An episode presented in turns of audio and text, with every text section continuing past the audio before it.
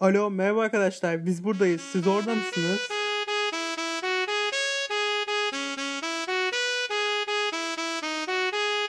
Evet arkadaşlar 10. bölümümüze hoş geldiniz. Bu bölümde AP, AP sınavları ve SAT Subject sınavlarından ayrı ayrı bahsedeceğiz. Bu sınavların öneminden, belki birazcık nasıl çalışmanız gerektiğinden, farklı ülkeler için nasıl etkileri olduğundan ve onun dışında hani belki lise dışındaki yararlarından da bahsetmeye çalışacağız. AP ile başlayalım. Öncelikle AP sınavları e, en çok İngiltere için gerekli. Hani mesela en basitinden İngiltere'de en bu top üniversitelere başvurduğunuzda ee, özellikle hani mühendisliğe yakın bir alanda başvuracaksınız veya sayısal bir alanda başvuracaksınız. En basitinden Calculus BC denilen sınavdan 5 almış olmanız gerekiyor. Böyle temelli bir önem var. Ee, bu demek oluyor ki AP sınavları gerçekten aslında çok da basit olmayan sınavlar. Normalde üniversitede verilen dersler bunlar. Fakat işte belirli bu işte College Board denilen şirketin yaptığı şey üstüne bazı derslerin AP sınavları oluyor. Bunlar işte Calculus BC'dir, makroekonomidir, mikroekonomidir falan filan. Bunlar işte en çok hani duyulan dersler. Bunların da kendi sınavları oluyor. Bunlar dediğim gibi İngiltere'de önem önem var. İngiltere'de işte okulların ayrıyetten hani 3 tane AP istiyoruz, 4 tane AP istiyoruz, 5 tane AP istiyoruz gibi gereksinimleri var ve genellikle de hepsinden 5 alınması bekleniyor. Sınavlar 5 üstünden zaten. 5 üstünden 5 alınması bekleniyor. Bu şekilde AP sınavların İngiltere genel bir yarar var. Onun dışında hani bazı durumlarda Emir de anlatır. SAT subjectlerle değişme gibi yani şey onun yerine geçme gibi durumda söz konusu olabiliyor. İngiltere için genel olarak önemi bu. Onun dışında ders atlamaya yarıyor. Dediğim gibi bunlar hani lise seviyesinde değil daha çok üniversite seviyesinde dersler. Ee, işte bu sınavlardan 5 alındığı durumda bazı üniversiteler hatta neredeyse bütün üniversiteler bu derslerin üniversitede atlanılmasını sağlıyor. Hani birçok üniversitede ilk senelerde mecburen alınması gereken dersler var. Fen dersleri olsun. Hani mesela ben fizik C almıştım. Onun üniversitede bir daha tekrarını yapmak istemiyorum. O yüzden eğer onun AP'sinden 5 alırsam üniversitede direkt atlama şansım oluyor. Öyle bir güzelliği var. Elif sen ne dersin bu AP'lerle ilgili? Ee, ben de aynı şekilde hem İngiltere hem Amerika başvurduğum için bol bol AP aldım e, Comparative Government AP'sini mesela 5 aldığım için ben de Amerika'da üniversitede ilk yıl politika derslerinden birkaçından saydırabiliyorum. Yani o giriş derslerini direkt atlayabiliyorum bu sayede. E, onun dışında biraz şeyden bahsedebiliriz. Bu e, AP'ler için da, ya her okulda offer edilmiyor, verilmiyor bu dersler. O yüzden bazıları için kendiniz çalışmanız gerekiyor. Onu ayarlamak da birazcık size kalıyor. Zaman zamanınızı ona bölmek. E, hangi AP'ye ne kadar çalışacağınız, kaçıncı yılda alacağınız bu gibi şeyleri birazcık önceden planlamanız gerekiyor. Ee, kendimden bahsetmek gerekirse ben de 10. sınıfta makro mikro iki tane AP'ye kendim çalışmıştım. Dersini almıyordum. O yüzden benim için biraz zor olmuştu. Ee, ikisinden de 4 almıştım mesela. Sonraki yıl e, yine Comparative Government'a kendim çalışmıştım. Diğer e, AB ve Lang'in derslerini alıyordum. Dersini almak gerçekten çok yardımcı oluyor ve kolay bir şekilde 5 almıştım onlardan. Ee, ya o açıdan diyeceğim şey size eğer kendiniz evde çalışacaksanız ilgi alanınız olan bir AP'ye önceden bir program yapmanız gerektiği. Ya bu büyük ihtimalle e, minimum bir 2-3 ay gerektiren bir çalışma oluyor. E, çünkü gerçekten Can'ın dediği gibi bu AP dersleri üniversite yılın üniversitede alacağınız derslerin ilk seviyesi. Yani lise seviyesi kolaylığında dersler değil, sınavlar değil.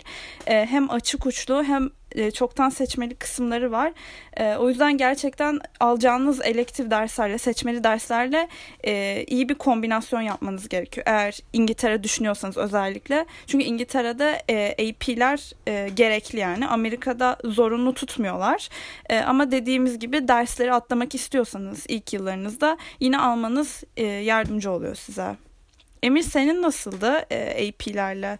Birçok AP almıştın sen. Aynen. Bu arada şeye de eklemek istedim ben de. Hani sadece 5 almada 5 alabileceğiniz en iyi skor ama 4 alsanız da çoğu okula bunu gönderebiliyorsunuz. Aynen. Ki hepimiz de 4 aldığımız hani skorları gönderdik, derslere gönderdik ve 4 de gayet iyi bir skor. Yani AP'lerden 4 ve 5 aldığınızda o okullara şey göstermiş olursunuz. Sizin spesifik bir branşta belirli bir başarınız olduğunu ve üniversitede de üniversiteye gittiğinizde de yani onun e, giriş dersini atlayabileceğinizi. Bir de şeyden bahsetmek istiyorum evet 5 almak önemli canın dediği gibi ve bu der, hangi dersi seçeceğiniz önemli ama Amerika için özellikle İngiltere için değil dediğim şey de tüm AP'ler eşit değil. Yani şunu şöyle anlatayım. Mesela AP makroekonomiden %20'si girenlerin 5 alıyorken mesela AP biyoloji sınavına girenlerin %5'i 5 alıyor. O yüzden de biraz aldığınız AP'nin zorluğunu da bilmeniz önemli. Bazı AP'ler mesela Elif'in saydığı gibi AP e, English language gibi ya da AP dil AP'lere yani Spanish, işte German, French AP'lere aynı şekilde e, biyoloji AP'si falan bunların hepsi zor AP'ler. 5 alınması zor AP'ler. O yüzden de hani okullar sizin hangi AP'leri aldığınıza ve o, o AP'lerden hangi skorları aldığınıza da bakıyor. Yani mesela AP biyolojiden aldığınız bir 4 başka bir AP'den aldığınız 5 ile aslında aynı yerde tutulabiliyor Amerika'da Amerika'daki okullar tarafından. AP sınavı biraz daha yoruma açık bir sınav. Çünkü üniversitedeki ilk hani seneki introduction dersini at, hani atlıyorsunuz bu sınavla. Bu yüzden daha böyle hani Amerika'daki üniversite eğitim, verilen hani üniversite eğitimine biraz daha benzer olan bir sınav. Yani nasıl benzer derken mesela bir test kısmı var. Test kısmından sonra bir de açık uçlu bir kısmı var ve açık uçlu kısmında bilgiden daha çok sizin böyle nasıl o, e, öğrendiğiniz bilgiyi yorumlayabildiğiniz ve bunu günlük hayata e, pratikleştirebildiğinizi ölçüyorlar. E, ama yine de dediğimiz gibi çalışmanız gerekiyor ve bu açık uçlu sorularla ilgili çok fazla materyali kullanarak deneme test çözerseniz yani şey bir practice yaparsanız daha iyi kolaylaşmış oluyor bunu analize daha bilgi analize çevirmeniz falan. SAT subject'ler biraz daha farklı sınavlar. Bunlar daha çok böyle bilgi ölçen sınavlar ve daha az dersin SAT subject'i var. AP 30 dersin falan AP şey var sınavı varken SAT subject'te 10 tane 10, 12 tane falan var galiba. Ee, bunlar daha bilgi ölçen ve sadece test odaklı şeyler, sınavlar, SAT subject'ler ve SAT subject'ler de aynı şekilde AP'ler gibi belli bir konuda bilgiliğinizi göstermiş oluyorsunuz. Amerika için SAT subject'ler bir tık daha önemli AP'lerden. Elif mesela sen AP'lere ve subject'lere çalışırken farklı mı çalışmıştın? Evet ikisi e, yani format ve içerik bakımından gerçekten çok farklı sınavlar. E, subject'lere ilgili ben şey yapmıştım. E, aldığım dersi yani 10. sınıfın sonunda genelde bu subjectlerin kapsadığı çoğu konuyu bitirmiş oluyoruz biz okuldaki derslerde. O yüzden direkt yıl bitiminde aldım ben subjectleri. E, Öyle olunca da çok fazla ekstra bir çalışmama gerek kalmadı. E, AP'lerde olduğu gibi böyle 2-3 saatlik açık uçluların, açık uçlu soruların olduğu bir sınav olmadığı için e, direkt bilgi ölçüyor. E, zaten çok ünlü böyle Barons, Princeton Review gibi kitaplarda da konu anlatımları oluyor. Onları sınavdan böyle bir birkaç hafta önce okumaya başladığınızda ya ben en azından matematik subject level 2 ve biyoloji almıştım.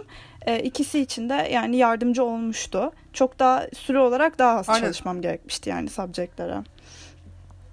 Bir de bence AP'ler için yapılabilecek en iyi şey subjectler için de eski sınavları çözmek. Çünkü sorular birbirine çok benziyor. Geçmiş yılların soruları. Genellikle bunları böyle yayınlamıyorlar internette ama böyle çeşitli sitelerde bulabiliyorsunuz bazen böyle Reddit falan gibi. O sitelerden bulup bunları indirip çözmek çok önemli. Çünkü genellikle böyle o soruları böyle recycle ediyorlar. Yani farklı şekillerde tekrar soruyorlar.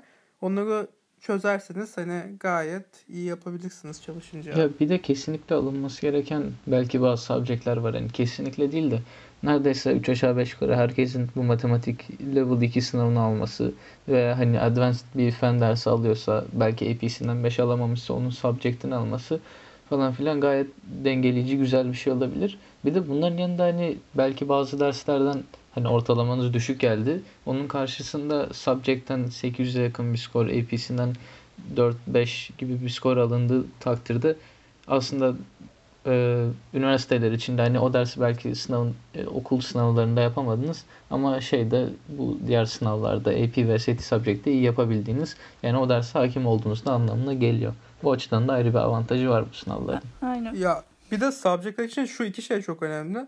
Bazen Amerika birincisi bazen Amerika'daki bazı okullar subjectleri zorunlu tutabiliyor veya iki tane subject almanızı tavsiye ediyor. Bu zorunlu bir şey değil tabii ki de tavsiye ediyorsa. Ama hani alsanız daha iyi olur yani. Hani öneriyorlar çünkü eğer e, finansal bir zorluğunuz yoksa iki subject almanızı.